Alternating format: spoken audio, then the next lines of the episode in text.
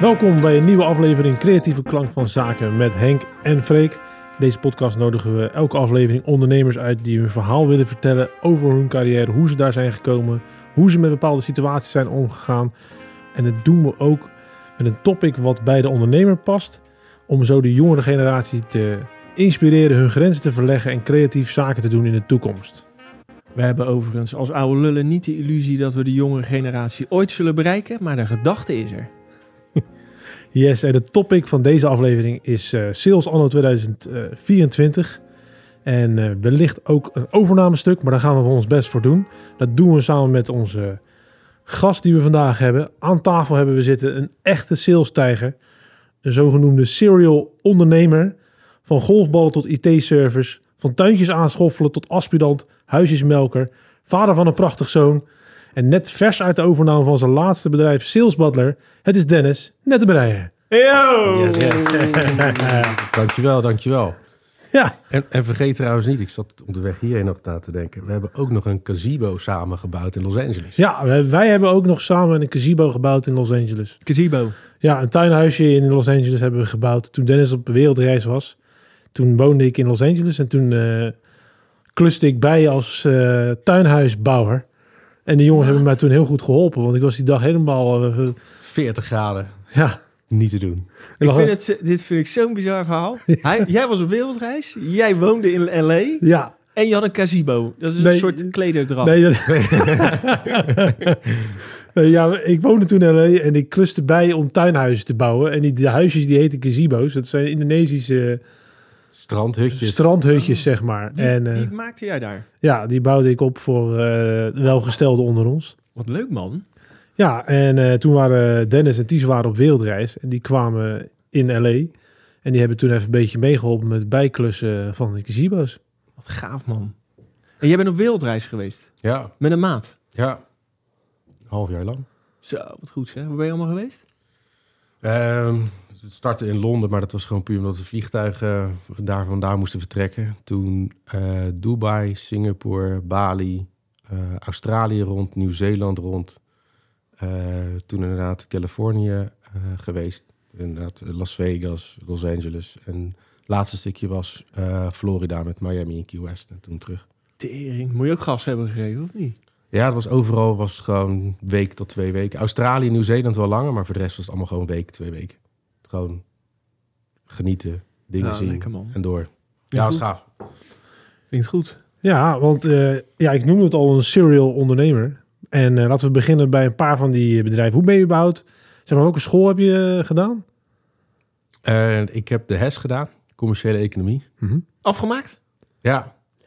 Hoe ik daar tot, tot stand daar- daartoe ben gekomen, is ook nog een mooi verhaal. Ik was altijd, in, ik was, was autogek. Gewoon heel mijn leven lang. En toen, denk ik vanaf mijn 10, 12, er was er voor mij maar één doel. Dat was de IVA in Drieberg. Dat is een particuliere opleiding. Dat is de enige opleiding in Nederland richting automanagement. En het was voor mij maar één doel, IVA. En ik kwam daar toen. Ja, dat, dat, dat was niet mijn ding. Dat was niet mijn ding. Dat, toen moest ik hier vanuit, eh, vanuit Bergse Hoek, moest ik met openbaar vervoer, moest ik naar Driebergen toe. Dat was elke dag van 9 tot 5 zonder lesuitval. Twee uur heen openbaar vervoer, twee uur terug openbaar vervoer toen nog. Ik kwam daar, toen had ik nog eh, lang haar. Toen kwam ik daar eh, de introductiedag om mijn boeken op te halen. Toen zei die leraar tegen me even, jongen, als jij maandag terugkomt, moet je even je haar afknippen. Maar dat mag je niet eh, onder het kraagje komen. Zo dan. En er- zaten meer dan Belgen dan meisjes op die school. Want ik dacht, nou, dat, is, dit gaat niet worden voor mij. Dus toen ben ik naar huis gegaan. Ik zeg, pap, zeg, dit gaat niet worden. En mijn buurman, die was toen, eh, eh, die was toen financieel directeur bij BMW. Dus ben ik naar hem toe gegaan. Ik zeg, joh, je weet al lang dat ik in de auto zit. Wat kan ik nu het beste doen? Hij zegt, pak gewoon een zo breed mogelijk commerciële opleiding. En dan kan je vanzelf nog altijd die autowereld in. Toen commerciële economie gedaan. Toen inderdaad maandag ingeschreven, woensdag eh, gestart. Toen heb ik na twee jaar stage gelopen bij General Motors. Daarna nooit meer wat met de auto's gedaan. Nee? nee. nee. Gewoon, de liefde was over. Was hem niet, werd hem niet. Hoezo niet dan? Wat, wat, wat? Ja, dat is gewoon, ik denk het, het, het plaatje, de, de- de- ik denk de hele gedachte, denk ik, vanaf kleine jongen, dat je natuurlijk hebt met allemaal mooie auto's en dat soort dingen. Dat, dat, dat is natuurlijk een bepaald plaatje waarvan je denkt, ja, dat, dat wil ik ook, dat vind ik leuk om in te rijden en dat soort dingen. Maar daadwerkelijk daarin rijden, of tenminste daarin werken, is, is een heel ander spectrum. Ja. Ja, dat, dat zag ik mezelf niet eh, doen. Nee. Nou, Dus maar goed, studie, studie afgemaakt. Ja. commerciële economie. En dat heb je twee jaar gedaan, commerciële economie. nee, vier jaar. Oh, vier jaar. Ja, maar twee jaar heb ik inderdaad stage richting General Motors. Ehm, en uiteindelijk inderdaad vier, ik heb er vier en een half jaar volgens mij over gedaan. Toen, eh, En heb jij, eh, als je nou in je hart kijkt, hè, heb je nou wel gehad aan die opleiding? Ik wilde eigenlijk al in je zin je onderbreken. Ja, ik wil ook heel hard zeggen nee. Ik vraag me zeker af als je... Wij zijn pro-school hier, hè? Nee, nee, absoluut niet. Ja, weet je wat het is? En het is altijd achteraf, je weet het niet. Maar ik denk wel, zeker als je in de commerciële sector gaat kijken. De vraag is, heb je meer aan vier, uur, eh, aan vier jaar lang met je poot in de modder staan... of vier jaar lang in, in een boek lezen? Ik denk dat je gewoon meer hebt aan vier jaar lang met je poot in de modder staan... en gewoon gas geven en gewoon je ding doen... en concreet dingen leren en dingen ontdekken. Want je hebt vier jaar lang in een boek gelezen en je komt... je denkt, oké, nu weet ik wat voor commercie, ik ga even beginnen... Je hebt geen idee. Nee. Je hebt geen idee. Het is allemaal leuk, die, die spinmethodes en de blauw, rood, geel, groene personen. Maar op het moment dat je je eerste telefoontje pakt of je eerste afspraak hebt, je hebt geen idee wat je moet doen. Nee. Dat is gewoon puur gewoon, dat ga je dan pas leren. Want dan heb je met echte mensen, echte situaties eh, te maken waar je gewoon dan op dat moment mee moet gaan dealen. Ja. Echte belangen natuurlijk die erbij komen. Ja, Ja. En denk, heb jij ook het idee dat je echt sale- sales, dat zit toch in je bloed, daar word je mee geboren. Je, je, je, je moet toch op je gemak zijn met mensen te kunnen overtuigen van iets. ja ik denk, kijk, ik vraag me af of, of, of het sales of is of sociaal is. Ik denk als je gewoon goed een gesprek met iemand kan voeren en een klik met iemand kan maken, dat je al de halve wereld hebt. Ben ik Het- niet mee eens. Denk ik Nou, niet. dat was, het- dit was het einde van de podcast. Nee, maar ik ben bijvoorbeeld, ik kan met iedereen lullen. En het maakt Ja. me echt geen reet uit. Maar op het moment dat ik iets moet verkopen, is het bij mij klaar. Ja, maar Kan je kijk, dit is, is een beetje de 80-20 regel, zeg maar. Ik denk dat eh 80% is zeg maar gewoon de standaard dingen en 20% zeg maar de talent wat je daarvoor moet hebben. En dat is dat laatste stukje waar je zegt, oké, ik kan niet verkopen. Nee. Maar je bent in basis wel een supergoeie verkoop, omdat je gewoon goed met mensen over kan, weg kan gaan, goed kan praten en je eigenlijk je overal uit kan lullen. Maar dat laatste stukje van het verkopen zelf, dus eigenlijk die laatste 20%, dat zit dan niet in jou of dat vind, nou, zit niet in je, vind je niet leuk. Ja. Daar heb je gewoon geen, er ligt je ambitie of je gevoel zeg maar gewoon niet. Dus dat laatste 20%, dat past dan niet bij jou. Maar die 80% van de verkoper heb je eigenlijk wel. Mooi. Dat vind ik een mooie eh, uitleg ervan. Ja, zie je. We beginnen al meteen, jongen. Maar en, eh, als we een paar van die bedrijven uitliggen, lichten, de golfballen. Oh, oh, ja, Heb je de, een leuk, eh, leuk leerproces. Ja? Nee, ja, ik denk dat het gewoon... Maar dat is altijd zo'n standaard verhaal, weet je. Ik denk dat gewoon als je ondernemer bent, vind je het gewoon leuk om te ondernemen. En ik denk als je een beetje creatief bent en niet stil kan zitten, probeer je tien dingen. Tuurlijk. En dat is gewoon het standaard verhaal. Van de tien dingen gaan er negen vreselijk mis. Maar er hoeft maar eentje goed te gaan en dat maakt de rest goed. Ja. Maar dat, je moet wel die tien dingen durven proberen. Ja, nee, nee klopt. Je, je, moet- je, moet het doen. Ja. En dat is hetzelfde ook met sales ook. Je moet het doen. Doen Ja. en durven. En als dat niet ehm, ja, gebeurt, dan, dan gebeurt er niks. Nee. Tenminste, dat niet doet, gebeurt er niks. Maar wat deed je met die golfballen? Ging je dan s'nachts uh, Nee, het was met de- een duikpak ik- ging je die plas in? Ja, ja. hey, hebt- daar heb ik in het verleden wel geld mee verdiend. Hè, Ja, vroeger. ja, ik weet het. Ik, word niet onder, ik onderschat het ook niet. Waarschijnlijk als ik dat had gedaan, had ik meer geld verdiend dan, dan dit avontuur. Nee, we moesten toen, eh, dat was nog tijdens het laatste jaar van mijn, van mijn opleiding, moesten we toen een, een bedrijf eh, gaan starten. Dus toen zochten we inderdaad naar een product. En ik had dan nooit gegolfd. En toen kwamen we op een gegeven moment via via, kwam iemand erbij van, ja, dat is het eh, beste product uitgekozen volgens de PGA Tour. Zeg maar gewoon de, de Amerikaanse Tour. Dat was het beste product van het jaar. Hmm. En dat was toen net nieuw in Nederland. En daar wilden we zeg maar gewoon ja, de reseller zeg maar gewoon voor worden. Ja. Dus toen hadden we dat schoolproject gedaan een half jaar. En het, ik vond het toen echt wel zitten. Want je wilde altijd... Ik had het altijd wel... Ik, ik wist dat ik wilde gaan ondernemen. Ik vond verkopen leuk. Altijd links en rechts wat handeltjes gedaan. Maar je wilt ondernemen, maar je weet niet wat. Ja. En dat wat moet altijd een beetje op je pad komen. En dat gebeurde eigenlijk hiermee. Toen dacht ik, oké, ik ga er vol in. Nou, dat... ehm, ehm, ja, het was een leuk avontuur.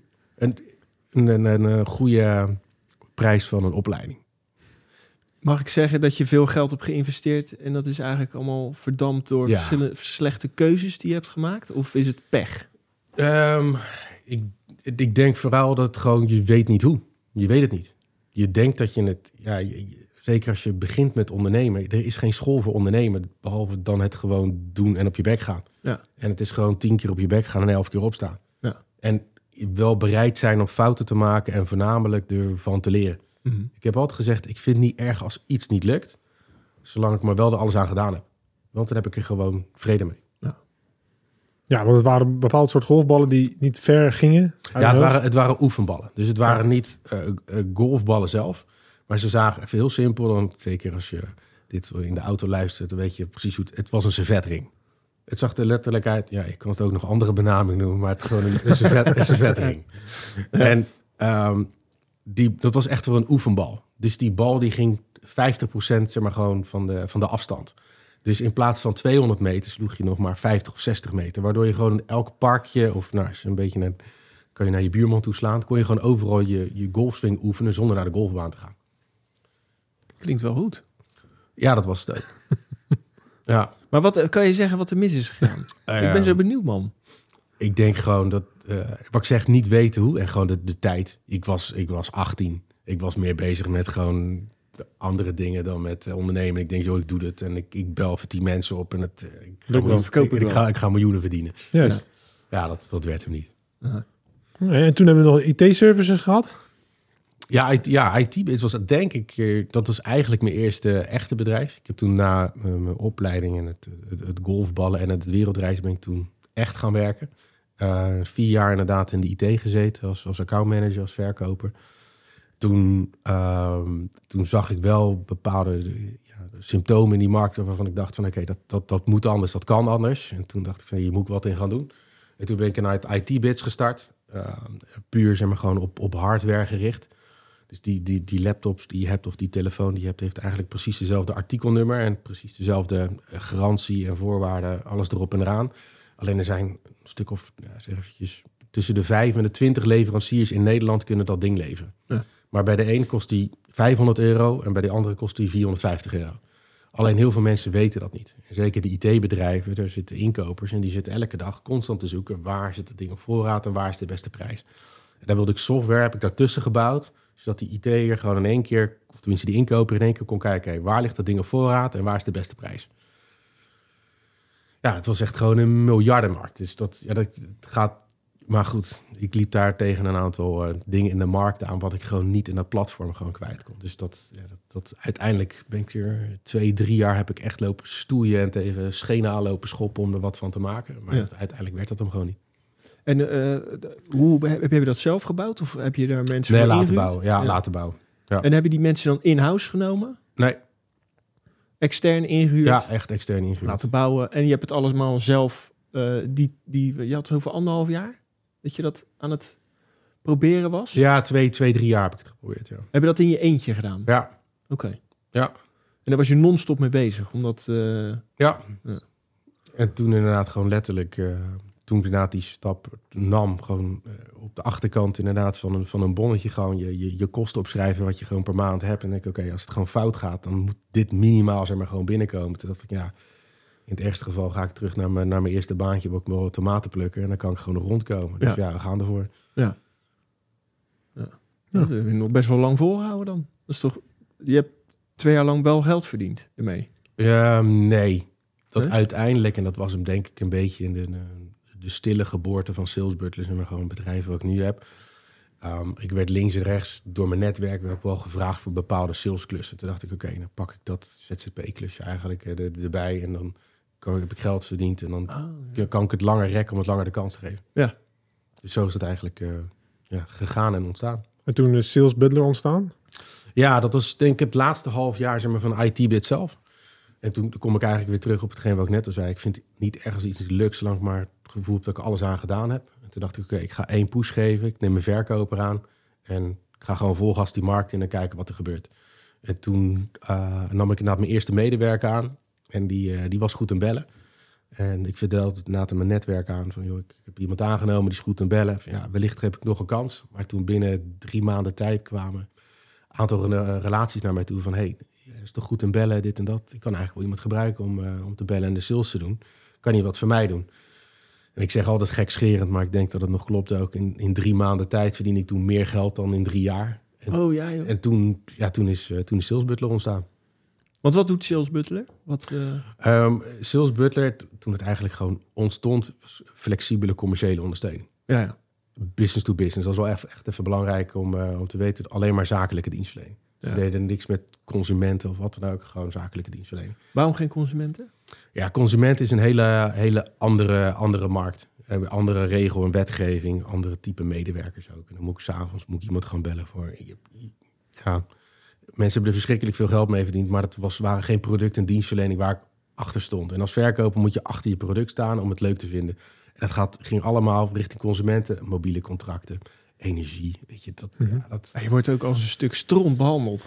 ja, Ja, ik, ik Nee, word ook is- gebeld dan door zo'n zo'n gast. Ja, sorry, ik ben heel onaardig dan. ja, nee, dat, en dat- B2B is het natuurlijk niet. nee, dat is gewoon, gewoon zakelijke dienstverlening. Dus Ja. dan heb je gewoon, beter. kan je gewoon echte, heb je gewoon echte gesprekken. Ja. Tenminste, in de consumentenkant kan je ook echte gesprekken. Maar dan zit je echt in zo'n script, zit je in een soort van hokje met, Mhm. met 10.000 man met een beeldscherm voor je. Ja, daar word je intens ongelukkig van. En eh, hoe gaat het nu met Sales Butler? Gaat het goed? Ja, gaat goed. Ja? Ja, wel een hele ehm, ja, reis doorgemaakt. We zijn nu zes jaar zijn we nu bezig. En in de begintijd zie je echt wel van in de start...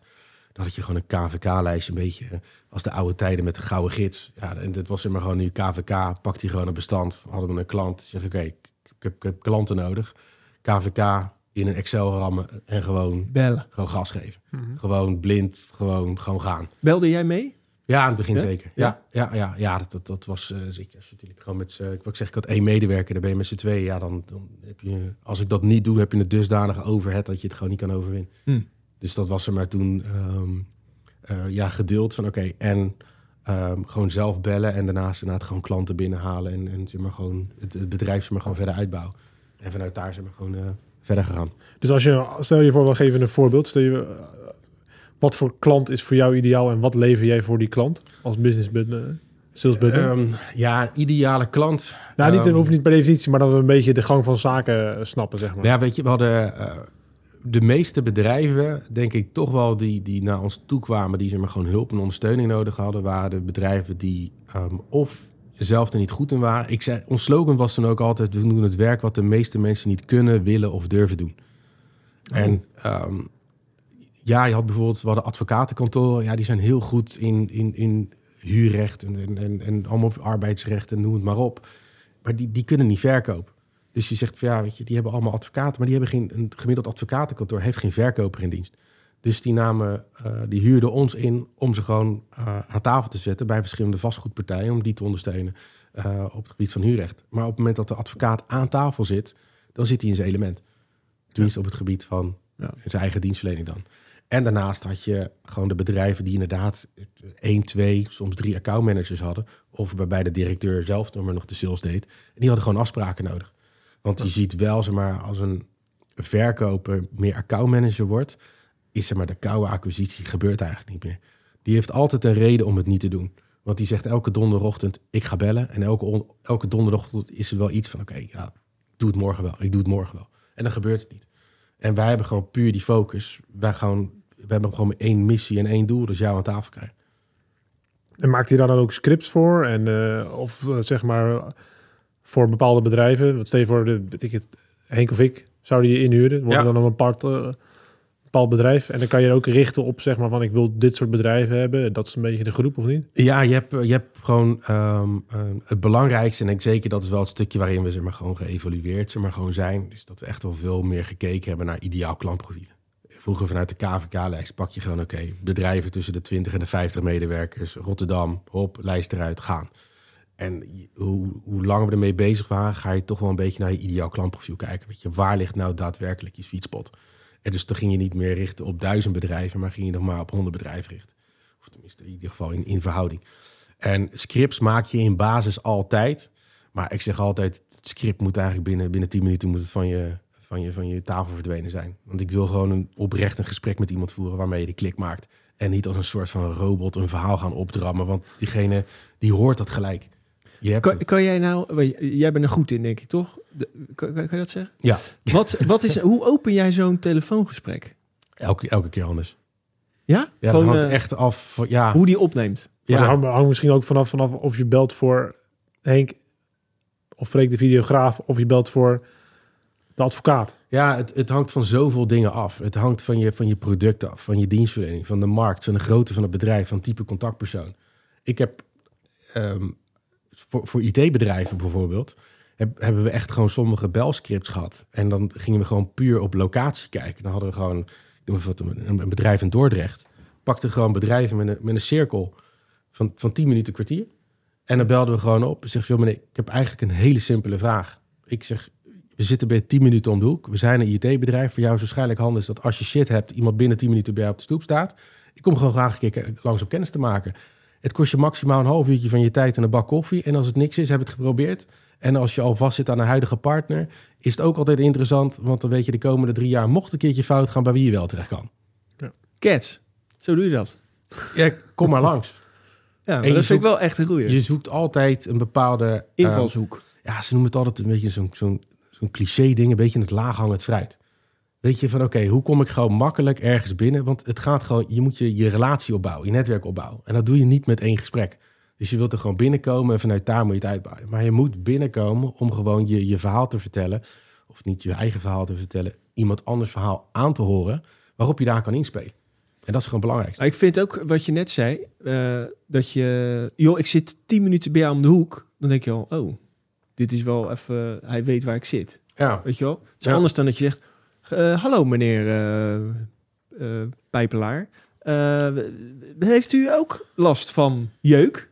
Ja. Weet je wel? Ik heb een kremmetje. Dat. Ja, maar zeker als je het even over de IT hebt. Iedereen heeft een helpdesk. Iedereen kan Ja. een laptop leveren. Iedereen kan Office 365. Ja, meneer, ik, kunt u mij doorverbinden met de verantwoordelijke voor IT?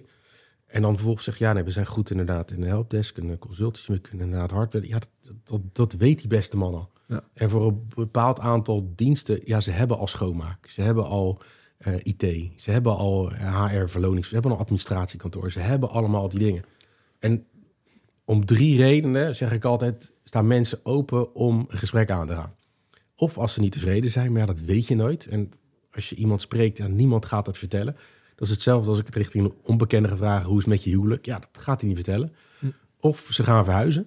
Nou, dat weet je niet, maar dat is wel een moment waarop ze zeggen van, hé, hey, kom maar langs. Ehm, of een huidige contract loopt af. Dat zijn eigenlijk een beetje de drie momenten waarop je een, een, een soort van open deur hebt, waarop je kans hebt. En voor de rest moet je daar, weet je, om, om freewheelen, om gewoon binnen te komen, om binnen nu en drie jaar gewoon ergens op die, op die sweet spot te staan, dat je, dat je weet van, oh ja, IT, ja, ik moet, eh, ik moet Dennis hebben, die kwam hier langs inderdaad voor een kopje koffie en die zit tien minuten hier om de hoek. Juist. Wauw. Ja, zo gaan we langzaam al En- over in ons topic van sales, dus het gaat helemaal goed. Ja. Eh, eh, wel even een vraagje. Zie jij het als een kans dat eh, AI straks een beetje dat uh, goud... Absoluut. Ja, hè? Ja. Want ik denk dat, wa- wat jij net zegt, je- dat voorlopig nog niet. Dat duurt nog wel een jaartje of tien, voordat je echt goede gesprekken hebt. Maar echt eh, eh, dus- authentieke gesprekken. Dat duurt een jaar. Nou ja, ik, ik, ik denk, je, je moet wat, met, eh, met dit, wat dit betreft, moet je denken, het nuttige met het aangenaam moet je gaan combineren. Weet je, ze zeggen ook altijd, de, de, de vent in de tent, de vrouw in het gebouw. Het is nog steeds wel de persoon die tegenover je zit, die alleen je moet het, er gebruik van maken om gewoon sneller tot een conversie te komen. Weet je, het, zes jaar geleden moesten we 200 mensen bellen om een afspraak te maken. Nu hoeven we het nog maar 20 keer te doen. En als je AI goed in- inzet, hoef je er maar nog 10 keer te doen. Tenminste, even heel. Even, even, Ja. ja. want je dunt het uit. ja, je komt door de tools en die, die ontwikkeling hebben wij ook gedaan. Door de verschillende toolings aan elkaar te eh, koppelen. Het, het duurste is nog steeds als ik iemand in dienst moet nemen die een uur moet bellen. Die drie kwartier van de tijd iemand niet te pakken krijgt. Is gewoon waste. Dat moet je gewoon zoveel mogelijk elimineren. Ja. Dus in de loop van de jaren hebben we allemaal tools en koppelingen en scrapers en, en allemaal dingen ingebouwd. Om maar te zorgen dat we wisten van oké, wie heeft de interesse, wie klikt wat, wie kijkt wat, wie opent wat. Hm. Wie heeft er nu interesse en wie, als ik nu bel, weet wie er belt en waarom die belt. Hm. En dat ja, Oh, het zit natuurlijk ook gekoppeld aan eh, analytics. Of niet? ja, Ja. Gaaf. Jezus, kijk uit waar je op klikt, hè? Word je gebeld. Nee, maar als, als je als bedrijf zijnde ehm, op onze website komt, dan kan ik zien welk bedrijf er op onze weg- website komt. ja, tuurlijk. Ik zie niet wie. Maar goed, als ik een, eh, als ik een mailcampagne verstuur of iets op LinkedIn en ik doe het richting 100 bedrijven en ik zie dat dat bedrijf bij ons op, ja, dan weet ik, oké, die, die persoon heeft gekeken, want anders Ja. komt hij er niet. Die is enigszins geïnteresseerd. Ja, Dus dan komt hij op de lijst van bellen. Maar hoeveel belletjes? Want je belt ook cold calls. ja. Dus hoeveel belletjes moet je er dan tegenaan gooien voordat er iemand... En het is niet zo dat, je, dat jullie dan op de stoep komen, Nee, toch? Nee. En is dat niet een moeilijke eh, overgang voor die mensen? Of zeg je dat in het telefoongesprek? Ehm, ja, de meeste vragen er nog ineens naar. En heel eerlijk, de meeste mensen zijn na drie seconden al vergeten hoe je, hoe je naam was. Of wie je bent. Dus die hebben geen idee. Dus die vinden het een leuk gesprek. Die zeggen, ja, doe maar. En, en dat ze vervolgens een afspraakbevestiging krijgen vanuit... Ander Ja. bedrijf. vanuit ja, weten ze niet. Maar soms zeggen we het inderdaad wel gewoon. Het is op, maar dat is op zich ook niet erg. Weet je, het, is, het is niks erg om te vertellen. Veel, ik maak gewoon afspraken. En mijn collega die, Ja. die inderdaad Ja. inhoudelijk verstand heeft van alle zaken... die komt bij je langs. Maar je belt wel vanuit eh, dat bedrijf, toch? Ja, altijd. Dus ja. dan, eh, ja. dus je, je- Sales Butler wordt eigenlijk niet genoemd. Nee, niemand kent dat in Nee. die zin, zeg maar. En in veel van de gevallen, zeg maar, de collega's zetten ook op LinkedIn dan gewoon dat ze werkzaam zijn voor het bedrijf. En die hebben ook een mailadres van het bedrijf. En alles klopt, zeg maar. gewoon. Oh. Heb je nog een toekomstvisie voor het bedrijf? Nou ja, goed, net eh, tijdens de intro eh, is natuurlijk wel een Dat- stukje ja, overname inderdaad eh, de, de besproken. Ja, kijk, toekomstvisie, even gewoon puur over de, de, de, de dienstverlening. Ja, het gaat wel steeds meer... Vroeger was het gewoon sales en nu is het gewoon sales en marketing. Weet je, je kan het niet meer los van elkaar zien. Weet je, en ik denk als je gewoon de beller, de echte beller, die sterft denk ik op een gegeven moment sterft die uit. Ehm, en ik denk als je gewoon het begin kijkt van Sales Butler, hadden we denk ik 95% eh, bellers en 5% marketing. Of misschien trouwens al 100% sales, 0% marketing. En ik denk waar we nu staan en waar we nu naartoe gaan, ik denk dat het 50-50. En ik denk binnen nu en drie jaar denk ik dat je 70% marketing hebt en nog maar 30% sales. En wat voor marketing moeten we aan denken dan? Ja, ehm, eh, LinkedIn, eh, mailcampagnes, direct mailings, de, eh, maar ook gewoon de CRM, gewoon om dat allemaal aan elkaar zeg maar, gewoon te koppelen en dat, je, dat het voor je gaat werken om inzichtelijk te krijgen, sneller in- inzichtelijk te krijgen bij wie je moet zijn en wie je contact moet nemen om gewoon ja, het resultaat te genereren voor de klant eh, die dat nodig heeft. Hm. Ehm, ja, dat- ja, zo is het. De sales funnel. Ja, ja, dat is het. Maar en waar baseer je dan eh, op wie je gaat bellen voor welke klant? Of, ge- of zegt die klant van wij zoeken mensen, bedrijven Ja. van... Kijk, de, de klant die weet nog steeds het beste over, eh, in de meeste gevallen, het beste over zijn bedrijf en zijn type klanten. Dus we zeggen ook, als ik, ik geef jou tien huidige klanten nu en daar maken we eigenlijk gewoon een kopie van. Dus dan weet je waar ze zitten, hoe groot ze zijn, type contactpersonen, de uitdagingen en dat soort dingen. En daar bouw je eigenlijk een ideaal klantprofiel zeg maar gewoon mee op. Oké. En zie je bij die marketing tools, zie je één tool er heel erg uitspringen? LinkedIn bij wijze van spreken. Of mails krijgen we veel meer response op. Is er eentje die echt eh, Ehm, het meeste wind vangt? Nee, ik denk dat het de, de, de, de, de combinatie zeg maar gewoon is. Want elke dienstverlening is ook anders. En ik kan voor een één IT-bedrijf kan de mailcampagne super lopen. En voor een ander IT-bedrijf loopt de LinkedIn-campagne weer super. Dat, Mhm. valt, dat is- valt niet echt ehm, je- eenduidig te zeggen van oké, dit werkt en dat niet. Is altijd een beetje de, de mix. En je weet het van tevoren eigenlijk gewoon nooit. Maar wordt er wel door die bedrijven wel teruggekoppeld van, nou weet je wel, diegene die jij belde, waar je een afspraak hebt gemaakt, dat is een klant geworden. Ja, nee, wel? absoluut. Nee, want het gaat om daadwerkelijke resultaat. Kijk, Ja. ik, kan, ik kan 100 afspraken realiseren, maar als er niks uitkomt, dan is alsnog de campagne gewoon shit geweest. En tuurlijk gaan wij op een gegeven moment ook wel scherp kijken van oké, wij maken de afspraken, maar de accountmanager die daarheen gaat, is die ook wel goed en capabel genoeg. Ja. Want als wij ons werk hebben geleverd, in ieder geval wat ons betreft, en er komt niks uit, ja, waar ligt het dan aan? Ja. Weet je, ligt het aan de afspraak of ligt het ook aan degene die naartoe gaat? Of ligt het misschien wel aan jullie productdienstverlening of aan de prijs? Of... Ja. Weet je, dat kan aan allemaal verschillende factoren liggen. Ja, wat, wat eh, doe je beloftes? Van joh, eh, 80 procent, eh, een beetje veel misschien, maar eh, We leveren je zoveel klanten en Ja. daarvan gaat zoveel door. Nee, niet? ik- kan ik niet. Geen belofte. Kan ik niet. En dat, dat, dat wil ik ook niet. Want ehm, ik kan niet iets beloven op... Ik weet het niet. Oprecht niet. Maar stel, ik heb een eh, bedrijf in uh, autobanden. Oh, ja, ja.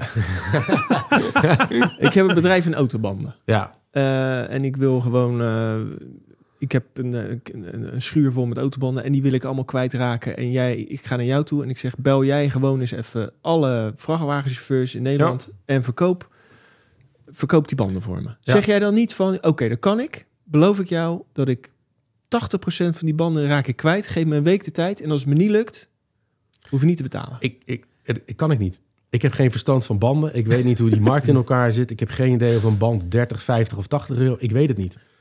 Is, maar wat we wel vooraf berekenen, is dat ik zeg: oké, je hebt je, wat is je budget per maand? Wat je ervoor over hebt. En daar spreken we een project af, drie maanden, zes maanden, een jaar. Dat kost je bedrag X. Mhm. En dan gaan we hem terugrekenen. Van oké, ik stel voor de campagne kost je 10, 20, 30.000 euro. Ja. Hoeveel banden moeten wij verkopen om onszelf terug te verdienen? Ja. En dan zegt hij, nou, ik heb duizend banden heb ik hier op voorraad liggen. 500 banden moeten daarvan verkocht zijn, dan ben je break-even. Dan zeg ik, oké, hoeveel banden ehm, levert één gemiddelde klant jou op? Ik zeg, nou, dat geeft 50, 50 banden, dus ik heb 10 klanten nodig. Dan zeg ik, oké, bij 10 klanten, eh, hoeveel keer aan tafel moet je zitten? Ik zeg, nou, 1 op de 4 wordt klant. Nou, dan heb ik 40 afspraken nodig. Dan denk ik, oké, ik noem even wat, die, die, die campagne die duurt een half jaar. Dan moet Erop, ik hè? 40 afspraken in een half jaar moet ik dan gaan, realiseren. Dan denk ik, oké, dat klinkt voor ons aannemelijk om dat te behalen, ja of nee.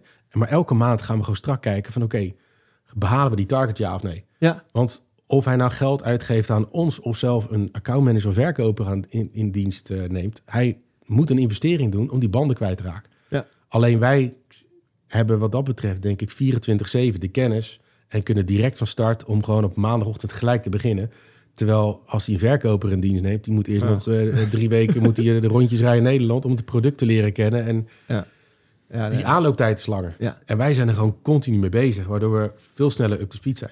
Ik vind het zo leuk dat je dit zo vertelt. Want eh, eh, in de creatieve sector zijn wij altijd, eh, worden we altijd afgerekend op je bent te duur. En dan zeggen we ook, oké, Ja. oké, sorry, ja, ik vind het eigenlijk zelf ook, want we kunnen het niet verkopen. We zijn creatieve wezens, wij zijn geen salesmensen. Jij ook niet, denk ik, of wel?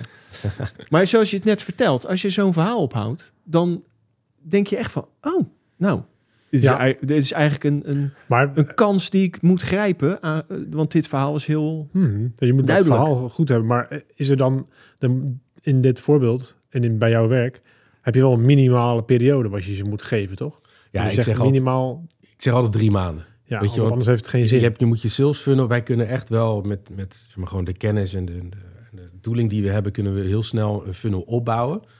Dus binnen drie maanden weet ik echt wel van oké, hoeveel afspraken eruit kunnen komen. En dan heb je als het goed is eerste afspraken ook gehad. Mhm. En hoe kwalitatief zijn die afspraken en zit er potentie in voor de toekomst. Maar die drie maanden, die investering moet je altijd zeg maar gewoon doen.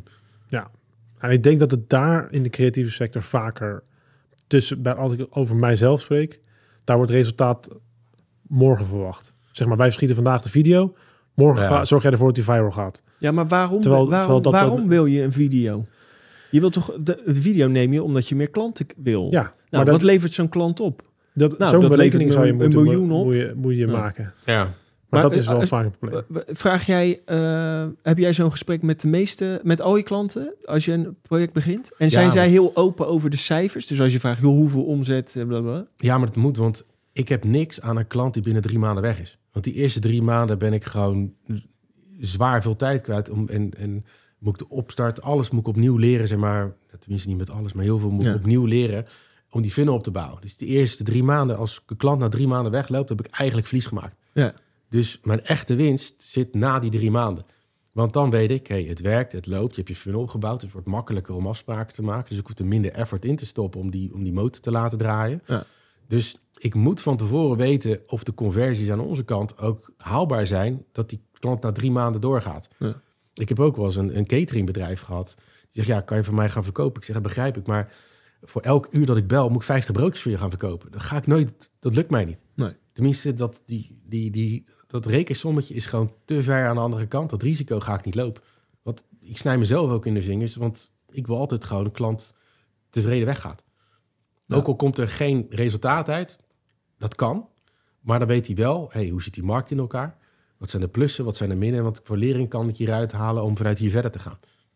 K- Wij, ik, ik wil ook wel eens weten van een klant, joh, wat, wat, eh, wat is jouw omzet nou? Weet je wel, kunnen, kunnen we iets eh, aan je omzet doen? Kunnen we die verhogen? Maar Ja. bij ons is dat best wel een rare vraag. En zijn, zijn ze er meestal niet open over, omdat ze denken, ja, ik ga jou niet vertellen wat ik verdien, want dan ga jij daar je prijs op baseren. Ja, Dat is eh, heel raar eigenlijk. Dat is zo ontstaan door, weet ik veel, ik weet niet waardoor. Maar als ik vraag, joh, wat is, jouw, wat is jouw omzet per maand, als ik vragen mag? ja. Nou, ja, dat ga ik niet, niet vertellen. Nee, zo ja. Dat is toch gek? Nou ja, ehm, Heb jij daar een, een tip voor hoe je daar... Hoe je achter omzetten van Geen miljoen. God. Nee, ik denk voornamelijk verklaren waarom je naar vraagt. Ja. En als hij zegt, kijk, als jij nu al weet van, hé, hey, hij zegt het waarschijnlijk niet omdat hij denkt dat ik mijn prijs erop ga baseren, geef het aan. Ja. Als Ja. je zegt, van, luister, even heel eerlijk, ik heb gewoon, maar ik heb standaard tarieven. En qua, qua bandbreedte, ik heb geen idee, hè, dat je tussen de 2 en de 4000 euro kwijt bent. Ik weet het niet, maar Hmm. stel eventjes dat. Ja. Dan heeft hij al een bepaalde brandbreedte. En als je zegt, weet je, ik ben even benieuwd gewoon naar je omzet nu. Want mijn doel is, ook al zit ik, ook al zit ik in de creatieve sector, ben ik alsnog met mijn uitingen die ik maak, dat ik meer omzet voor jou wil. En dat ik dat tegenover kan zetten ten opzichte van de kosten die jij nu investeert. Shit, het is lekker man. Ik, ik vind het, dit vind ik zo lekker. ik, ik, ik zit al... Ben ik alweer, weet je wel. Ja, maar dan kan je het ook in verhouding in perspectief zetten. Ja. Weet je, geen enkele ondernemer vindt het erg eh, om geld uit te geven, zolang hij maar weet wat hij eraan heeft of hoe hij het terug kan verdienen. Ja, precies. Maar je moet het wel kunnen... weet je, Jij legt het net in twee tellen uit. Daar zou ik echt... eh niet, dat, zou je dat kunnen? Zo Nou ja, makkelijk ik, ik, vloeiend? begin, ik, begin er niet, ik begin er niet aan, omdat het, maar meer omdat, zeg maar, met het werk wat ik doe, ik kan niet aantonen dat jij, ik kan niet, wat Dennis ook zegt, Jawel. ik kan bijna niet garanderen dat je er meer omzet. Ik garandeer je dat je social media en je website er heel veel mooier uitziet, omdat het product wat ik maak, of dat per definitie meer sales oplevert. Ja, je hoeft trouwens denk ik nog ineens aan zijn omzet te vragen. Je moet gewoon vragen, wat levert één nieuwe klant jou? op? Ja. Eén nieuwe klant. Ja. Nou, als jij zegt, nou, die, dat, dat 10.000 euro. Ik zeg, nou, ik weet bijna zeker met die nieuwe uiting, Ja. ja. dat je, dan ga je gewoon snelle klanten er binnen. halen. Ja. Eén nieuwe klant. Want daar, ze, daar zullen ze wat sneller, denk ik wel, Precies. Nou ja, dit is inderdaad wat, wat instapmodelleriger. Ja. Dan kan je... Maar voor je, in jouw bedrijf heb je dan veel ZZP'ers, middelgroot, of zijn het grote bedrijven, of is het echt een hele mengelmoes van alles? Nou, in het, in het begin hebben we gewoon alles aangepakt wat we aan konden pakken. Alleen je ziet, wij hebben ook een ideaal klantprofiel. Mhm. Dus je, wij, wij zijn denk ik het meest ehm, goed in bedrijven tussen de 10 en de 50 medewerkers. Met toch wel inderdaad enige omvang die het inderdaad zich kunnen permitteren om per maand tussen de 2 en de 3000 euro uit te geven. Wij zitten eigenlijk net onder de, de, de grens, of in ieder geval wat, wat een normaal gesproken een, een, eh, een accountmanager kost.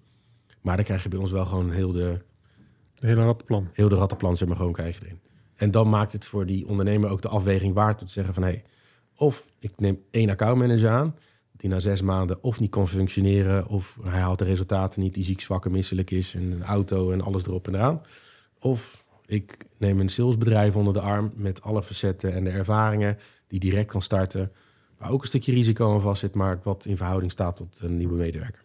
Die accountmanager die zeg maar Apeldoorn, Zwolle en Limburg op dezelfde dag boekt. Ja, en die, ik, ik zeg altijd, ik zeg 80-20. De, de meeste accountmanagers die halen 80% van hun omzet uit 20% van hun tijd. En de rest Wow. doen, ik wil niet zeggen doen ze niks, maar de rest plannen ze een afspraak om 10 uur. En de laatste om 2 uur en om 3 uur rijden ze naar huis. Of zitten ze aan het einde van de dag zitten ze gewoon op AD en weet ik wat allemaal op, eh, op Facebook. En, Oké. En als jij... eh, Lijkt me lekker werk, jongen. accountmanager. nee, maar het is ook- en er is trouwens ook niks mis mee als je je targets haalt. ja, Weet je, je moet eigenlijk, ik denk zeker in de tegenwoordige tijd, je moet output, output gestuurd zijn. Weet je, als jij je omzetten haalt en je targets haalt, ga lekker om drie uur naar huis. Ga Ja. lekker eh, Ja, om vier het AD kijken. Het boeit Ja, me ja. niet, zolang je je resultaat maar het is je eigen winkeltje. Ja, Ja, en die accountmanager soms, hè, vroeger hadden wij eh, een, eh, een meubelbedrijf en daar kwam toen een vertegenwoordiger. En die was voor een banken en dat bedrijf zat in België. En die man, die had als enige vertegenwoordiger heel Nederland. ja. Dus die pakte 10% van alle orders van al zijn klanten. Nou, die reed toch in de dikke 7-serie, jongen. En die had een Gucci pak aan. Want die heel Nederland deed hij. En hij reed gewoon, als hij een klant had gemaakt en je had eenmaal in die showroom staan, dan zit daar best wel een lange looptijd op. Want je gaat eerst een beetje doorverkopen. Je wil eerst het showroommodel eruit. ja. En als dan die gozer nooit komt, dan ga je dan nog eens een keertje denken, ga ik hem maar weer eruit gooien. Ja. Maar dan was hij alweer een keertje langs eh, geblubberd met die bak van hem. Ja. Maar jongen, dat was echt, eh, dat ik echt dacht, zo, hij heeft echt een droombaan. Want hij doet de hele dag eh, een beetje koffies drinken overal. Beetje toeren. Ja, een beetje toeren. Maar die tijd is wel wat minder geworden. Ik denk dat als ze hem nu tegen salesbruttel hadden gezet, dan had hij ook thuis eh, gezeten. Eh, nog een vraag. Heb- Heb jij nou iemand, eh, een voorbeeldfiguur, eh, waarvan je zegt, dat is nou echt een salesman waar ik eh, affiniteit mee heb? Oeh. Oh, eigenlijk mij zeggen. Ja. ja. ja. Dit was me net voor. Ja. Ehm, nee. Nee? Heb je ook niet het Ja, model? je, heb, je, het is- heb je ook niet je model ergens naar gespiegeld? Dat je zegt van, hé, hey, weet je, ik zie wat die doet en ik, dat kan ik wel. Kijk, weet je wel natuurlijk wel... Als je het over de, de, de, de sfeer, zeg maar, gewoon van sales en acquisitie, weet je. Als je het natuurlijk over de Wolf of Wall Street hebt. En, de- Ja. je, de- hij, hij gaat natuurlijk... Met die penny stocks gaat hij natuurlijk in... de- en hij gaat zitten... Ja, tuurlijk. Maar Hoe heet die nou ook weer? Even, eh, Leo- Leonardo DiCaprio of de, de, De echte... echte. Jordan Belfort. Jordan, Jordan ja, Jordan Belfort. ja. Ehm, maar dat is, dat is allemaal film. Ja, het is, Ja. Het is, het is niet de echte wereld. Nee. Dan kun ik zeggen, ja, dat is... Nee, maar ik denk dat die Jordan Belfort in het echt wel echt zo'n... eh, als je hem ziet ook, Ja. dan denk je bij jezelf... zo. Sell me this pen. Ja, Ja, maar dat, weet je, dat zijn allemaal van die... Ik denk toch wel, je gaat vaak als je het over eh, sales ga je toch wel meer richting de Amerikaanse, Ja. denk ik, toe. Ja, ik weet niet zeker of ik dat als voorbeeld, zeg maar, gewoon zie. Nee. Oké. Weet je, ik, ik, ik vind ook, de, de corporate wereld is ook niks voor mij. Nee? Ik, vind- nee, vind ik niks. Ik vind gewoon MKB gewoon Mhm. lekker gewoon met gewoon direct aan tafel, korte lijnen. Weet je, als ik ergens kan zitten en ik kan binnen, binnen een maand, twee maanden een order sluiten, een deal sluiten, dat, dat is hetgeen wat ik gewoon wil. En ik heb geen zin om eh, 30 gesprekken en, en, en 20 goedkeuringen en eh, langs dit en langs dat. En weet je, dat, dat vind ik te veel gedoe. Dat Ja. vind ik niks. Dus eh, de MKB is... eh, Ja, MKB, MKB plus. Daar Ja. zijn net een beetje ons sweet spot ligt denk ik tussen de 5 en de 50 medewerkers. Weet je, als je daar boven gaat, zit er voornamelijk al wel een commercieel directeur met meestal een paar man buitendienst en binnendienst. Die hebben eigenlijk al hun mini-sales butler binnen het bedrijf gebouwd. Ja. Als het goed is. Ja. Al denk ik dat die alsnog van ons, ehm, ik kan niet zeggen kunnen leren, klinkt weer zo, eh, zo, zo arrogant, maar wij zijn elke dag voor, voor zoveel verschillende dienstverleningen bezig. En wat je wel ziet in een bedrijf die al 10, 20 jaar bestaat, is een beetje vastgeroest zit in eigen patroon. En alleen maar gewoon die dingen. En die, Hm. wij zijn constant bezig om te kijken naar nieuwe ontwikkelingen, nieuwe tooling, nieuwe manieren om de conversie te verbeteren. Hm. En dat is denk ik wel gewoon heel waardevol. Waar denk ik ieder bedrijf van wat aan heeft. En denk je ook dat als... eh, zijn er ook dingen die je zegt van, nou weet je, we hebben het over... eh, je zei tegen mij zeven manieren van sales, onder andere. En, maar als ZZP'ers of eeneenstaande... Ja. Heb je dan ook nog dingen dat je zegt van, nou weet je wel, cold calls werkt, werkt wel of let meer hierop of... Ja? Ik denk, ehm, ik denk de, de, de basisregel wat ik altijd zeg, maak het klein. Weet je, want de meeste de, ZZP'ers of verkopers... die kijken tegen een bepaald target en een bepaalde berg aan... waar ze denken, hoe ga ik dit bewerkstelligen? Maar als je het gewoon klein maakt... en voor een ZZP'er, die is meestal met...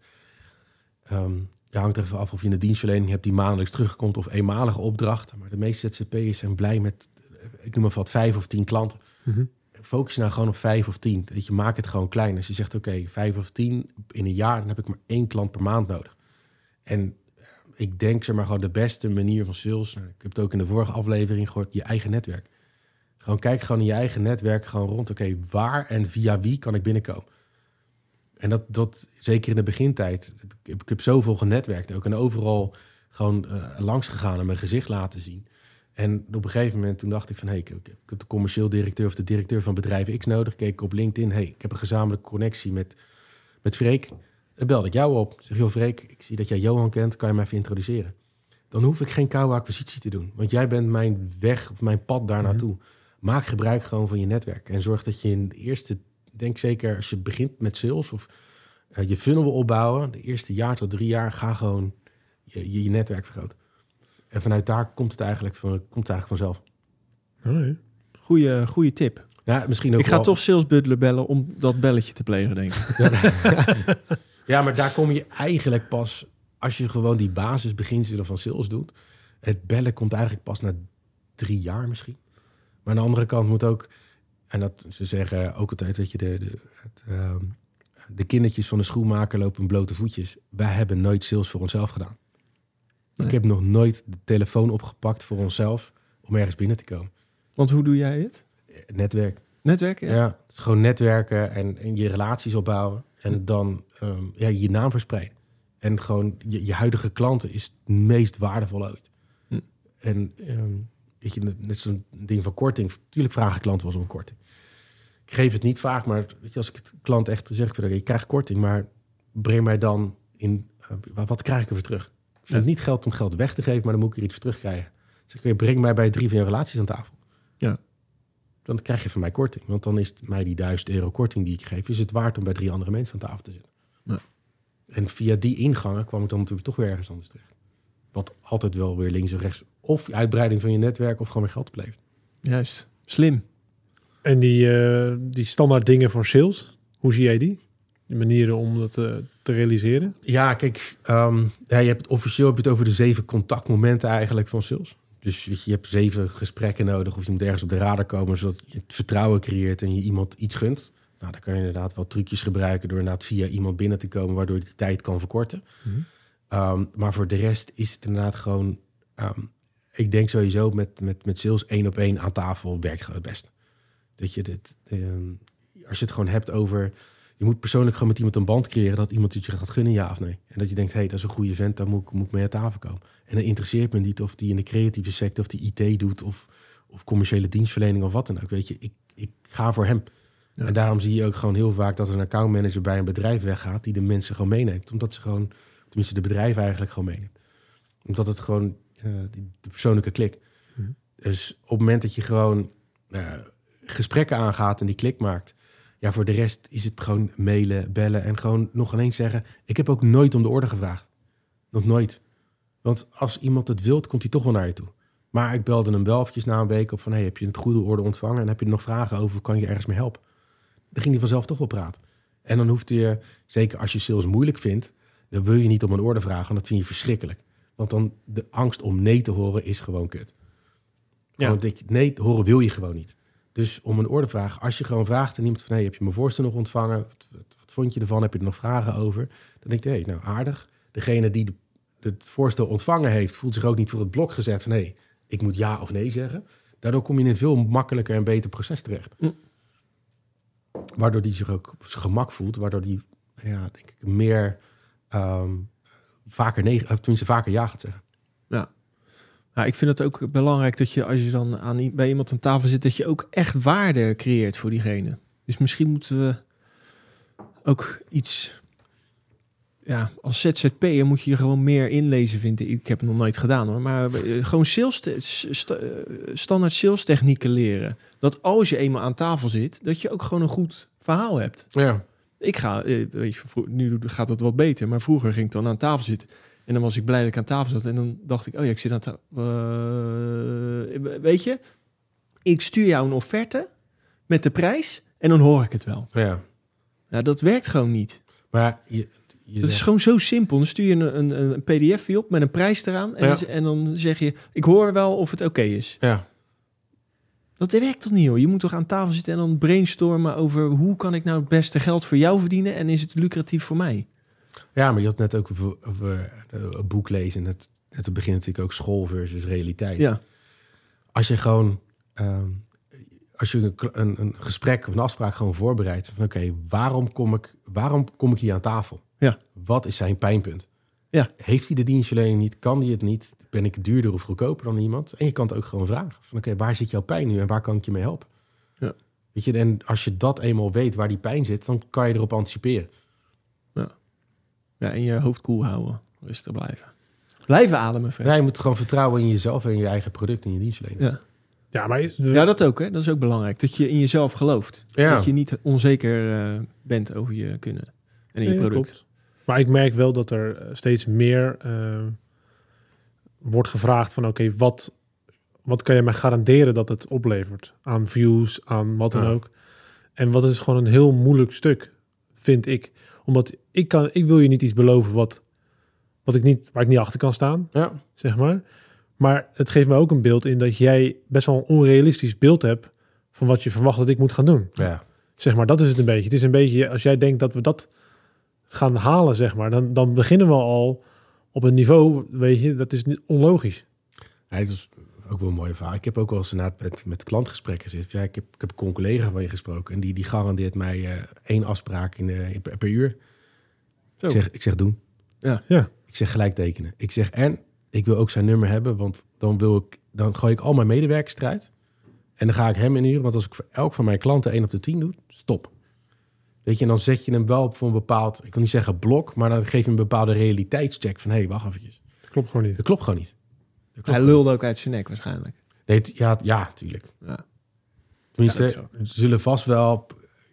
Tuurlijk zijn er gesprekken waar iemand iets garandeert... waar die misschien echt wel bepaalde ehm, basis van heeft... waar we niet denken, hey, dat kan ik garanderen. Maar in sales, lastig. En als je eh, dan tips hebt voor eh, ZZP'ers of net daarboven, dat je net wat groter bent, eh, die je ook al zelf kan doen, waardoor je je eigen sales funnel misschien eh, kan versterken.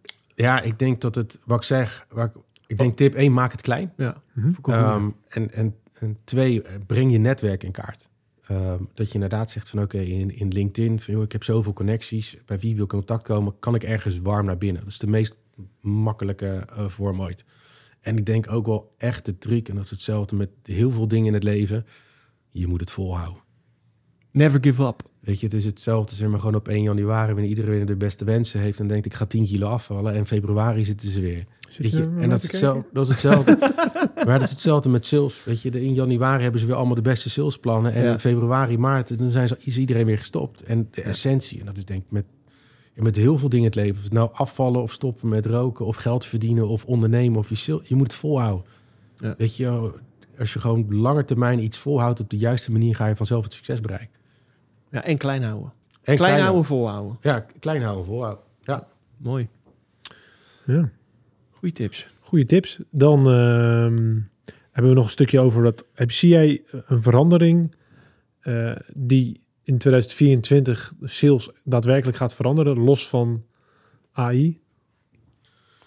Ehm, Zie je een trend waarvan je zegt van hé, hey, dat had ik niet verwacht of dat werkt zo? Of Nou ja, dit, ik, denk, ehm, ik denk niet dat er hard iets, iets rigoureus iets in 2024 gaat veranderen. Maar je ziet wel in de loop der tijd zie je die, die markt echt wel veranderen. Ik heb nu de tools tot onze beschikking.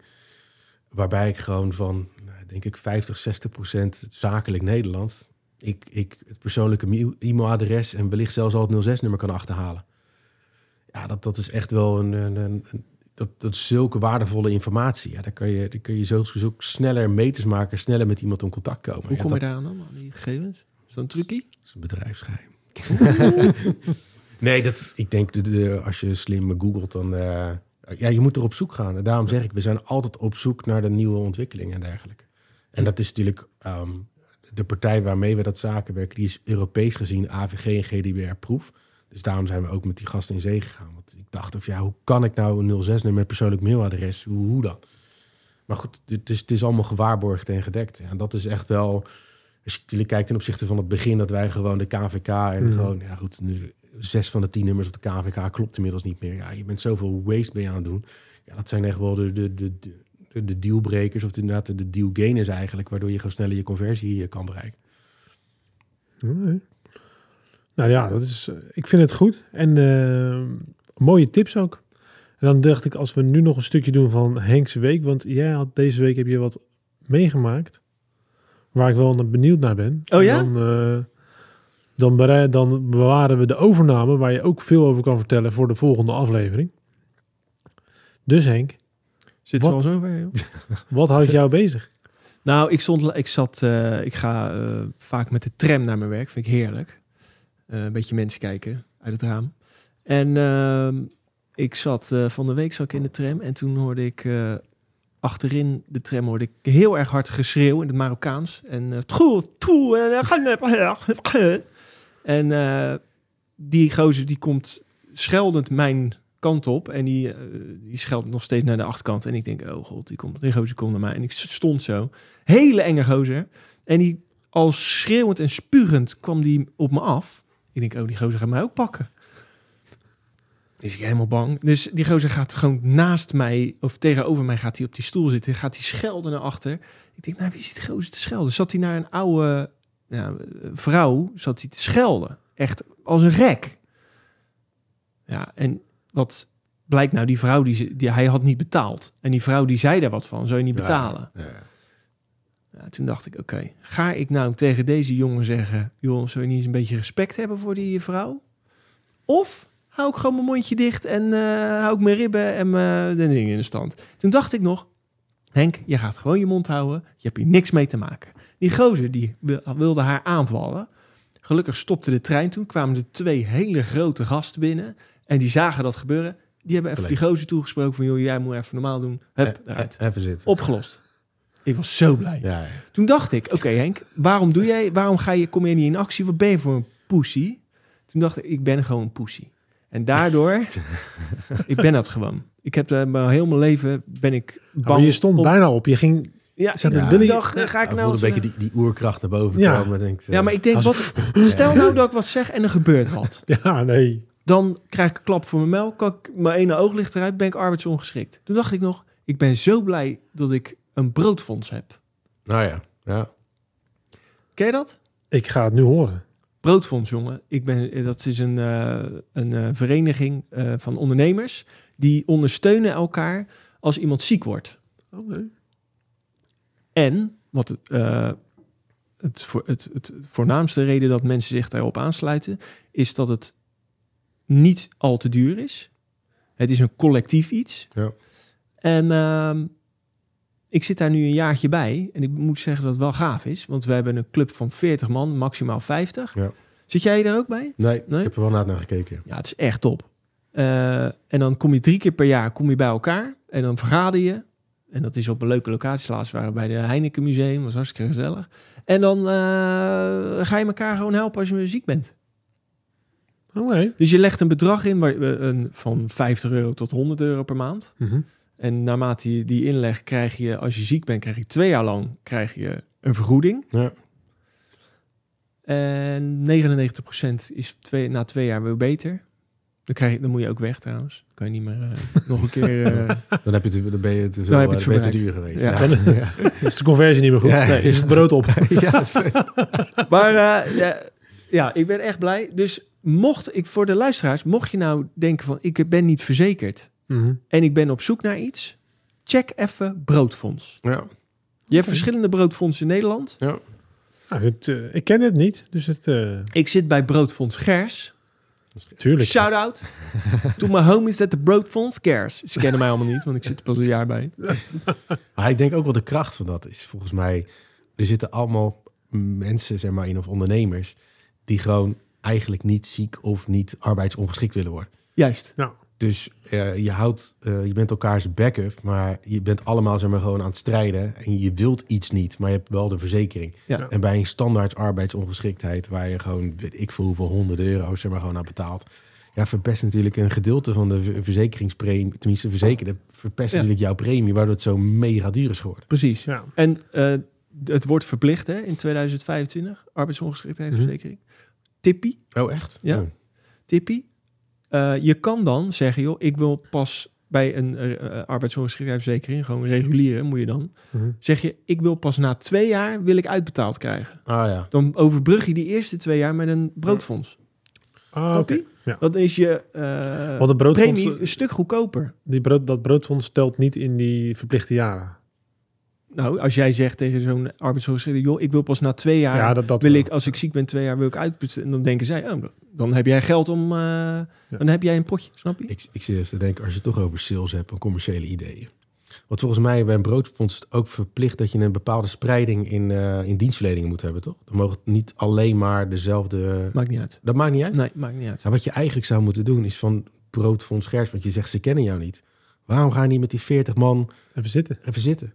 Gewoon netwerk. Gewoon wat doe je? Want dan help je elkaar niet alleen maar qua verzekering, maar ook qua dienstverlening. Ja, maar je, je komt drie keer per jaar samen. hè? Oh, toch wel? Ja, Nog meer netwerken.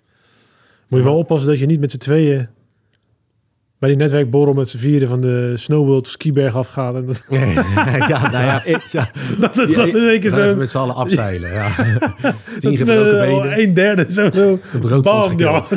nee, maar je, je, je, Dat is een leuk het, bedrijfsuitje. je hebt het over netwerken. De- Ik kwam naar de eerste keer en het is best wel geit wel los sokken. Eerlijk is eerlijk. Ja? Oh, ja. Ja, het wordt nu wat minder. Olivier zit er trouwens ook bij, sinds kort. Ja. Ehm, ik weet niet of het allemaal zo, maar ja, fuck it. Eh, Bedrijfsgeheim. eh, en toen kwam ik er binnen en ja, allemaal mensen die keken me aan van, wat doet die gozer hier? Dacht ik. Dus toen ben ik maar in een hoekje gaan zitten, zo wachten tot het voorbij was. Echt maar een salestijger hier, hè? Ja, Ja, ja, ja. Je zit in de hoek. Nou, ik, ik word daar zo ongelukkig van, dat soort dingen, joh. Dat je verplicht moet praten. Hallo, wie ben jij? Weet je wel, dat. Ja. Nou ja, Oh, ja. leuk. Eh, jij moet er ook bij, Freek. We zoeken nog mensen. Maximaal 50 man. En we hebben er nu op 41. 48, geloof ik. Nou, Oh, Dat zijn wel twee gewilde spots. Die zitten hier hoor. Ik zal eens even kijken, jongen.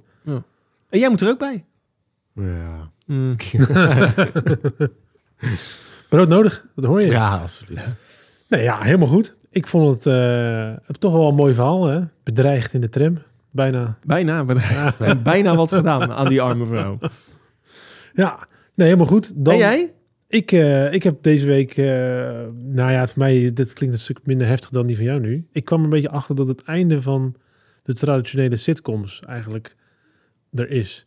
Omdat stand-up comedians zijn nog de enige die, als je een gevestigde naam bent, die iets durven te zeggen Ja. tegen verschillende Doelgroepen. doelgroepen en wat dan ook. Want Dave Spel, die ga je toch niet de mond snoeren, zeg maar.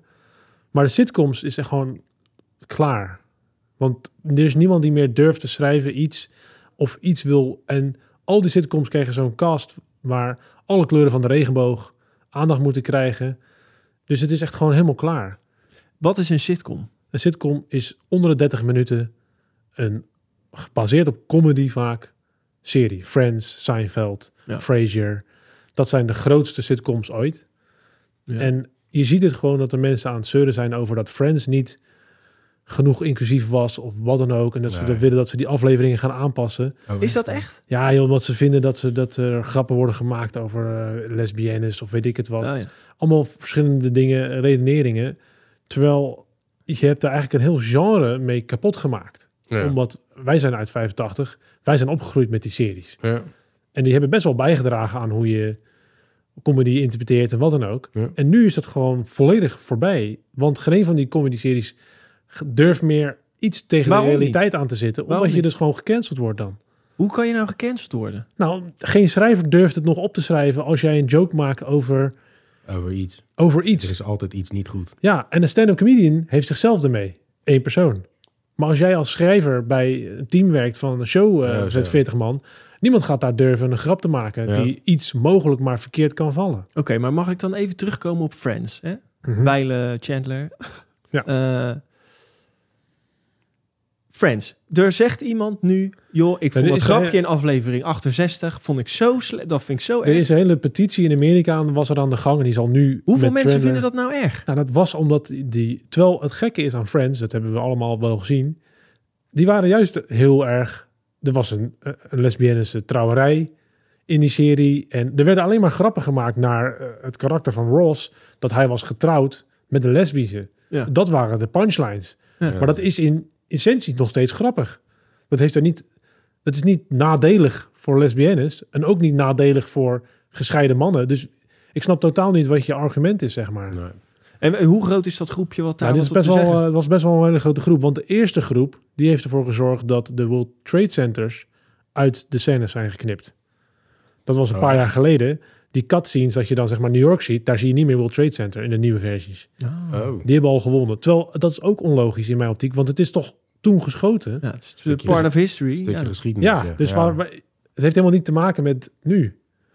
En de essentie is ook Die dat ik, mensen moeten echt hun mel houden. ik had dus laatst een hele Jezus discussie en daarom had ik het er nu over met iemand en die was het dus helemaal pro dat je dat allemaal moet gaan aanpassen. Ja. Maar dan kom ik altijd terug bij het feit dat Friends heeft nooit ergens gezegd dat het de realiteit is. Nee.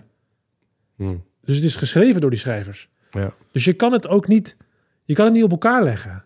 Want zij zijn niet bezig met, Obama is daar niet president. Ze zijn niet bezig met een weerbeeld van de realiteit. Het is een verhaal. Het is een verhaal sprookje. door iemand geschreven, zeg maar. Sprookje niet, maar... Zeg maar, het is helemaal niet, Het is geen werkelijkheid. nee. Waar, waar, wat lul Het is je? niet, Ja. eh, dat, dat, dat is, daar kom ik altijd op terug. Dat ik dan denk van ja, maar je, je probeert realiteit te mengen in wat iemand schrijft. Ze nemen het veel te serieus. Juist. Ja. Dus ik, ik kwam er laatst achter en dan zag ik al die revivals. Dat ze nu Frasier opnieuw gaan maken. En dat ze nu dit opnieuw gaan maken. En Ja. Dan denk ik ja. Hoezo? Nou, omdat dan heb je nog een basis van vaste fans die dan misschien gaan kijken. Zeg maar. Remakes? Ja. Dat Dus is, halen ze Roseanne Barr weer uit de kast? ja. die is dus... Met Die is wel geinig, Ze hoeft nu nog eens meer eh, AI gewoon. Nee, je kan het gewoon erin plakken tegenwoordig. Ja. Niet Maar die is dus opnieuw gemaakt. En toen kwam er dus naar buiten dat zij best wel harde Ja. opmerkingen heeft gemaakt. Toen Ja. hebben ze haar weggeknipt. Maar die show is nog steeds Moet een je, flink, revival. moet je flink knippen trouwens. Ja, nee, dus ik zei tegen, tegen Steven, tegen degene met wie ik aan het praten was, dacht ik, ik vind het wel jammer dat de sitcoms gewoon echt kapot is. Het bestaat niet meer. Ja, maar ik denk, ik denk behalve de sitcoms dat sowieso wel dat een beetje de Ja, tendens aan dat er minder creativiteit en spontaniteit is, omdat er overal links en rechts rekening mee gehouden wordt of iemand er weer wat van kan Ja. zeggen, zeg maar. Dat, je hebt nog een handje, die, ge- eh, handje gevestigde namen die je durft. Maar de, als jij opnieuw als nieuw om de hoek komt kijken, die durft niks meer hoor. Nee? Ik zou er echt scheid aan hebben. Ja, Mensen willen allemaal heel veel geld verdienen, dat is het probleem. Als jij je gewoon, als je het klein houdt. Nee, denkt, nou, als ik, als meer ik dat- vijf views heb, dan als- vind ik het top. Dat klopt, maar het is meer om mijn punt te maken. Het is, is meer van, ik vind het jammer omdat ik weet dat zelfs als Dennis niet alle seizoen heeft gekeken of jij, het heeft toch bijgedragen aan onze manier van comedy en aan onze, het heeft toch een beeld gegeven. Als iemand zegt ik ben in New York geweest, ja, dat spreekt tot de verbeelding. Dat komt door die series. Ja. En dat knip je nu helemaal weg. En dat is gewoon wel jammer, Ja. omdat het een 30, niet iedereen gaat 50 minuten naar een dramaserie kijken. Die 30 minuten, 22 minuten was net een lekker snabbeltje Lekker. wat iedereen heeft gezien. lekkere afwisseling. Ja, mijn moeder heeft wel eens afleveringen gekeken, die kijkt nooit, weet je wel. Allemaal iedereen kent dat stukje. Maar iedereen nu kijkt nog steeds die oude. Ik denk überhaupt met onze leeftijd, toen we dat kennen, was ons spanningsboog niet langer dan 20 minuten. Nee. ik denk dat het taal gewoon gemaakt is. en door. ja, Zo, nee, maar ik heb dat wel gebinged hoor. dat bedoel ik. Ja. Dus ik vind het jammer en daar kom ik een beetje op. Maar ja, Ja, ik, vind het, ik, vind, ik zit te denken, wat is nou een, een, eh, comedy-serie momenteel die eh, populair is op Netflix of zo, of Disney? Ja, volgens mij de laatste die de cijfers brak was die Big Bang. Maar dat is ook, als je naar het niveau kijkt tussen die en de oude Friends en alles, dat is echt een wereld van verschil gewoon. Ja. En die hebben nog safer gespeeld doordat ze echt in een heel klein cultuurnisje zitten, waar ze zeg maar niemand aan de buitenwereld kunnen raken. ja. Maar ja, het is gewoon jammer. Ik zag nu de nieuwe Frasier, terwijl Frasier bij mij heel hoog staat. En toen zag ik die nieuwe en dacht ik, maar, ach, mijn god. Jezus. Dat had je nou echt nooit moeten doen. Nee. Laat het gewoon rusten. Amerika is echt, eh, eh, zeg maar, een beetje... eh, ja, ze kunnen ook niet even een nieuwe president vinden die nou even niet 80 miljard jaar oud is en eh, niet senil. En geen Je dinosaurus. kan echt Ja. niks, je kan in, niks beters vinden dan die Biden en die Trump. N- Er is niks. Ja. Dat is ongelooflijk. En dat is hetzelfde met die films gaan ze ook. weer- Oh, laten we een remake maken van Ja. Roseanne. ja. Weet je wel, dat het is, precies echt hoe op. het gaat. Het Dat is, is het. op. Dat is het. Het is niet op, maar ik wil het even kwijt. Nou ja, en dan wat jou deze week bezig hield, is de overname van je bedrijf. Maar daar kom je nog een keertje voor terug. Zou je een tipje van de sluier kunnen oplichten waarom het je zo bezig hield? Ehm, Bij hout? ja, nog steeds. Ja. Toevallig inderdaad gisteren het, eh, het document eh, ondertekend inderdaad van de, van de officiële eh, verkoop. Ehm, ja, de volgende aflevering, er komt gewoon heel veel bij kijken. En de, de leuke dingen en ook inderdaad gewoon de, de minder leuke dingen. Dus dat, het is een enerverende tijd, laat ik het zo zeggen. nee, maar het is denk ik vooral ook gewoon wel, wel leuk. Ik denk dat het ehm, als ondernemer zijn, bouw je natuurlijk een, een bedrijf op. En natuurlijk tevreden klanten is, is, is leuk. Maar op het moment dat inderdaad een partij eh, naar je toe komt, eh, of in ieder geval mee in contact komt, die inderdaad wil, in ieder geval wil participeren. Dat was al twee jaar geleden was het al gebeurd. Toen heeft die partij inderdaad ehm, eh, een stukje al zeg maar, gewoon in Sales Butler gekocht. En er nu inderdaad volledig over. Ja, het is gewoon een heel leuk eh, proces en een stukje waardering, zeg maar, gewoon wat je, er, eh, wat je eruit krijgt. Hoe lang ben je er al mee bezig? Ehm hoe bedoel je met, met de overname? Nou, ze zijn twee jaar geleden eh, ingestapt. En ehm, het was altijd al wel de bedoeling dat ze binnen nu en drie tot vijf jaar de rest zouden overnemen. Ehm, alleen dat proces gewoon is in een bepaalde stroomversnelling terechtgekomen. Oké. Ja, dat zijn en misschien ook wel een, een, een stukje tipje van de sluier. Gedeelte lag ook wel bij mij. Ehm, ik denk dat zelfkritisch als ondernemer denk ik heel, heel sterk is. En ik dat bij heel veel bedrijven denk ik zo is dat degene die het bedrijf gestart heeft op den duur niet de beste man is om een bedrijf te leiden. En ja, ik zag wel bij mij mezelf een bepaalde kwaliteit waarvan ik dacht van oké, ik ben niet meer de juiste man op de juiste plek. Oh, wel een zelfreflectie dan. Ja, dat, Ja. dat is, eh, maar dat is ook gewoon kijken naar waar je zelf, eh, wat je zelf leuk vindt, eh, waar je energie uithaalt en waar niet. Ja, maar dat zie je toch ook wel veel bij die techbedrijven. Dat die originele jongens die het oprichten, Ja, al best wel snel die zetten iets neer. ja, de- Ja. aan de kant worden gezet. Omdat anders Ja, die houden, die- die- houden zich ook vast aan een bepaalde wat zij hebben gedaan en hoe het moet.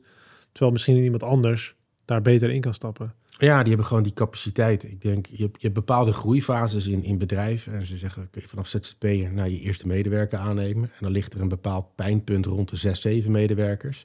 En de volgende pijnpunt is 15, 20. En het pijnpunt daarnaast is 50 plus. Hm. Dat zijn een beetje de pijnpunten, zeg maar, gewoon van het ondernemen. In ieder geval wat, wat ik heb meegemaakt. En wij zitten eh, op 15 medewerkers op dat pijnpunt. We zitten nu zeg maar gewoon een jaar, twee jaar.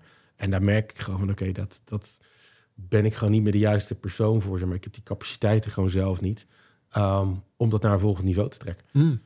En er zit ook wel een bepaalde dienstverlening... wat het ook wel lastig maakt om die volgende stap zeg maar, gewoon te nemen. Want dan moet je er lagen tussen gaan bouwen. En daar moet wel zeg maar, bepaalde ehm, verdiensten mee gepaard zijn... om die stap erin te kunnen maken. En in sales is dat gewoon lastig. Ja.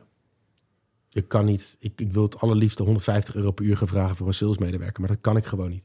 Tenminste, ik kan het, maar dan zegt die klant... oké, wat krijg ik ervoor terug? Ja, dan wil, ver- verwacht hij ook echt wat. Ja, als ik een verdubbeling van mijn uurtarief Hmm. doe, dan hang ik eigenlijk gewoon ook een soort van slot of een strop op mijn eigen nek. Van oké, dat betekent ook dat ik twee keer zoveel resultaat wil in hetzelfde tijd. Ja. Dat, dat zijn bepaalde uitdagingen die je dan, eh, die je dan hebt. Hebben we nog tijd voor één vraag? De laatste vraag. Mensen aannemen, sales, Ja, eh, sollicitatiegesprek. ja. Hoe gaat dat? Is het sell me this pen? Ja ehm, heel eerlijk, je weet het niet. Is gevoel? Ja, kijk, je kan eh, sell me this pen. En natuurlijk heb ik heb vroeger ook op school... en dan ga ik zeggen, oké, we gaan nu eh, de, de ruggen tegen elkaar zetten... en dan gaan we een salesgesprek voeren. En dan ga ik tegenwerpingen doen. Alles leuk en aardig, maar je kan het tot in een treuren leren... op het moment dat je de telefoon hebt en je moet een gesprek... je- ja, hoe was het ook alweer? Het, het is een hele andere dimensie. Ja. En tuurlijk, eh ik had net er ook in het begin, weet je, 80% zeg maar gewoon bepaalde eh, kennis of ehm, eh, skills die je hebt. En 20% is denk ik inderdaad gewoon de, of je het leuk vindt en of je de, de, het vol kan houden en discipline hebt. Tuurlijk kan je in een salesgesprek echt wel aan iemand vinden, oké, is dit een sales iemand, ja of nee? Hm. Maar of die daadwerkelijk ehm, ergens gaat zitten en gewoon 80 calls per dag gaat doen, weet je niet. En of die daadwerkelijk de discipline heeft om het langer dan drie tot zes maanden ook leuk te vinden en vol te houden en gas te geven, je weet het niet. Maar dat is hetzelfde. Ik vergelijk sales ook heel vaak met, met, met, met relaties of, of met huwelijken of, of, of met seks en dat soort dingen. Je relatie, je weet ook niet als je met iemand samen gaat wonen, je weet niet of het leuk gaat zijn. Na drie- Je, gaat, je weet het pas daadwerkelijk op het moment dat je met elkaar gaat samenwonen. Ja. En natuurlijk heb je bepaalde gedachten van... hé, hey, dat, gaat, dat klikt leuk en dat, dat ziet er goed uit. Maar je weet het pas daadwerkelijk op het moment dat je iemand in dienst gaat nemen... en die voor je dingen gaat doen. Nou, die gaat rennen. En dat kan alle kanten op gaan. Ja, ja, dat, ja. Oké, dus dat is vingerspitsen. Of nee? Ja, ik nee, denk- ja, gewoon. nou, nee, ik denk wel vingerspitsen, want je leert wel in zo'n gesprek, een sollicitatiegesprek... je leert wel wat voor persoon je tegenover je hebt. Is die sociaal? Kan die anticiperen op bepaalde vragen? Kan die meedenken? Ehm, hoe is ze overkomen? Je, al dat soort dingen, het is toch wel de eerste indruk. Want de eerste indruk hoe die bij jou binnenkomt... is ook de eerste indruk hoe die of bij iemand anders binnenkomt... of op de telefoon klinkt. Dan heb ik ook nog een laatste vraag. Hey! Ja. Nou, nu vraagt hij aan zichzelf of hij nog tijd hebt. Ja. Nog tijd? Ja, ik heb nog tijd. Kan Ik nog- De meeste bedrijven die gaan adverteren en nieuwe salesleiding zoeken op het moment dat het slecht gaat. Ja. Maar in principe moet je eigenlijk op het moment dat het goed gaat, ja. dan zit daar, merk jij dat ook? Dat eigenlijk heel veel bedrijven komen op het moment dat ze denken, shit, nu gaat het niet goed, nu wil ik. En dan verwachten ze, daardoor is de drempel nog groter, omdat die euro die ze jou geven, ja. die gaat echt hard uit de zak. Terwijl als jij goed draait, dan zou je op dat moment beter, heb je ruimte om nieuwe klanten te halen. Ja, en in de, in de meeste gevallen vraag ik ook altijd, oké, wanneer wil je beginnen? Ik zeg altijd standaard, ik weet het antwoord al, dat is gisteren. Dat je, dat, ehm, ja, er zijn een beetje twee momenten. Of je hebt iets goed te maken, of tenminste ze moeten het jaar of de, de, de ambitie goed maken. Of je hebt een bedrijf die echt gewoon eh, strategisch bezig is en denkt van, hé, hey, we staan hier, het gaat goed. We willen inderdaad naar, naar 10 miljoen omzet, naar 20 miljoen omzet. Maar dan hebben we dit en dit en dit nodig. Maar dan hebben we dat en dat en dat nodig. Dat je dat... Ja, maar ik denk de verhouding... Ik denk dat 80%, zeg maar, en misschien weer die 80-20, 80% kom je eigenlijk al een soort van te laat binnen en moet je iets goed maken wat zij misschien al slecht gedaan hebben, waardoor je altijd misschien een beetje 1-0 achter staat. En 20% die hebben het echt strategisch zo, die zijn, dat zijn de vooruitdenkers. Nou, dan zitten we daar wel goed mee. Dat dacht ik dus ook al. En op zich niks is. nou ja, het mooie is, eh, er is op zich aan beide verhalen is niks verkeerd. Want meestal bij degene bij wie je een achterstand hebt, die hebben de sales niet goed aangepakt, waardoor je een hele groei vijver hebt, waardoor je sneller resultaat krijgt. De mensen die strategisch heel goed zijn en die verder willen groeien, is de kans wat groter dat die de markt op een dusdanige manier hebben goed aangepakt, dat er al heel veel conversies er maar al uit is.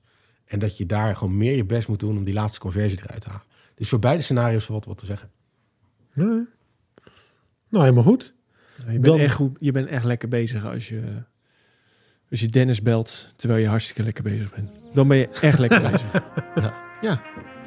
Nee, dat vind ik een mooie. Dat zijn luxe posities. Juist. Ja, en intelligent. Ja, Scherp zijn. Helemaal goed. Dan wou ik je bedanken. Ja, bedankt man. ja je was? bedankt. En eh, we komen nog eh, terug voor de aflevering voor de overname. En eh, dan gaan we kijken hoe dat gaat en wat, daar, eh, wat voor apen daar uit de mouw komen. Zou je het nog een keer doen? Ondernemen? Overnames? Ja. Kijk. En we hebben te tipje van de sluier. Henk, bedankt. Dennis, bedankt. Jullie ook bedankt. Is leuk. Tot de volgende. Tot de volgende. En eh, we zien je snel. Ja, toch. Hoi. Ai, ai.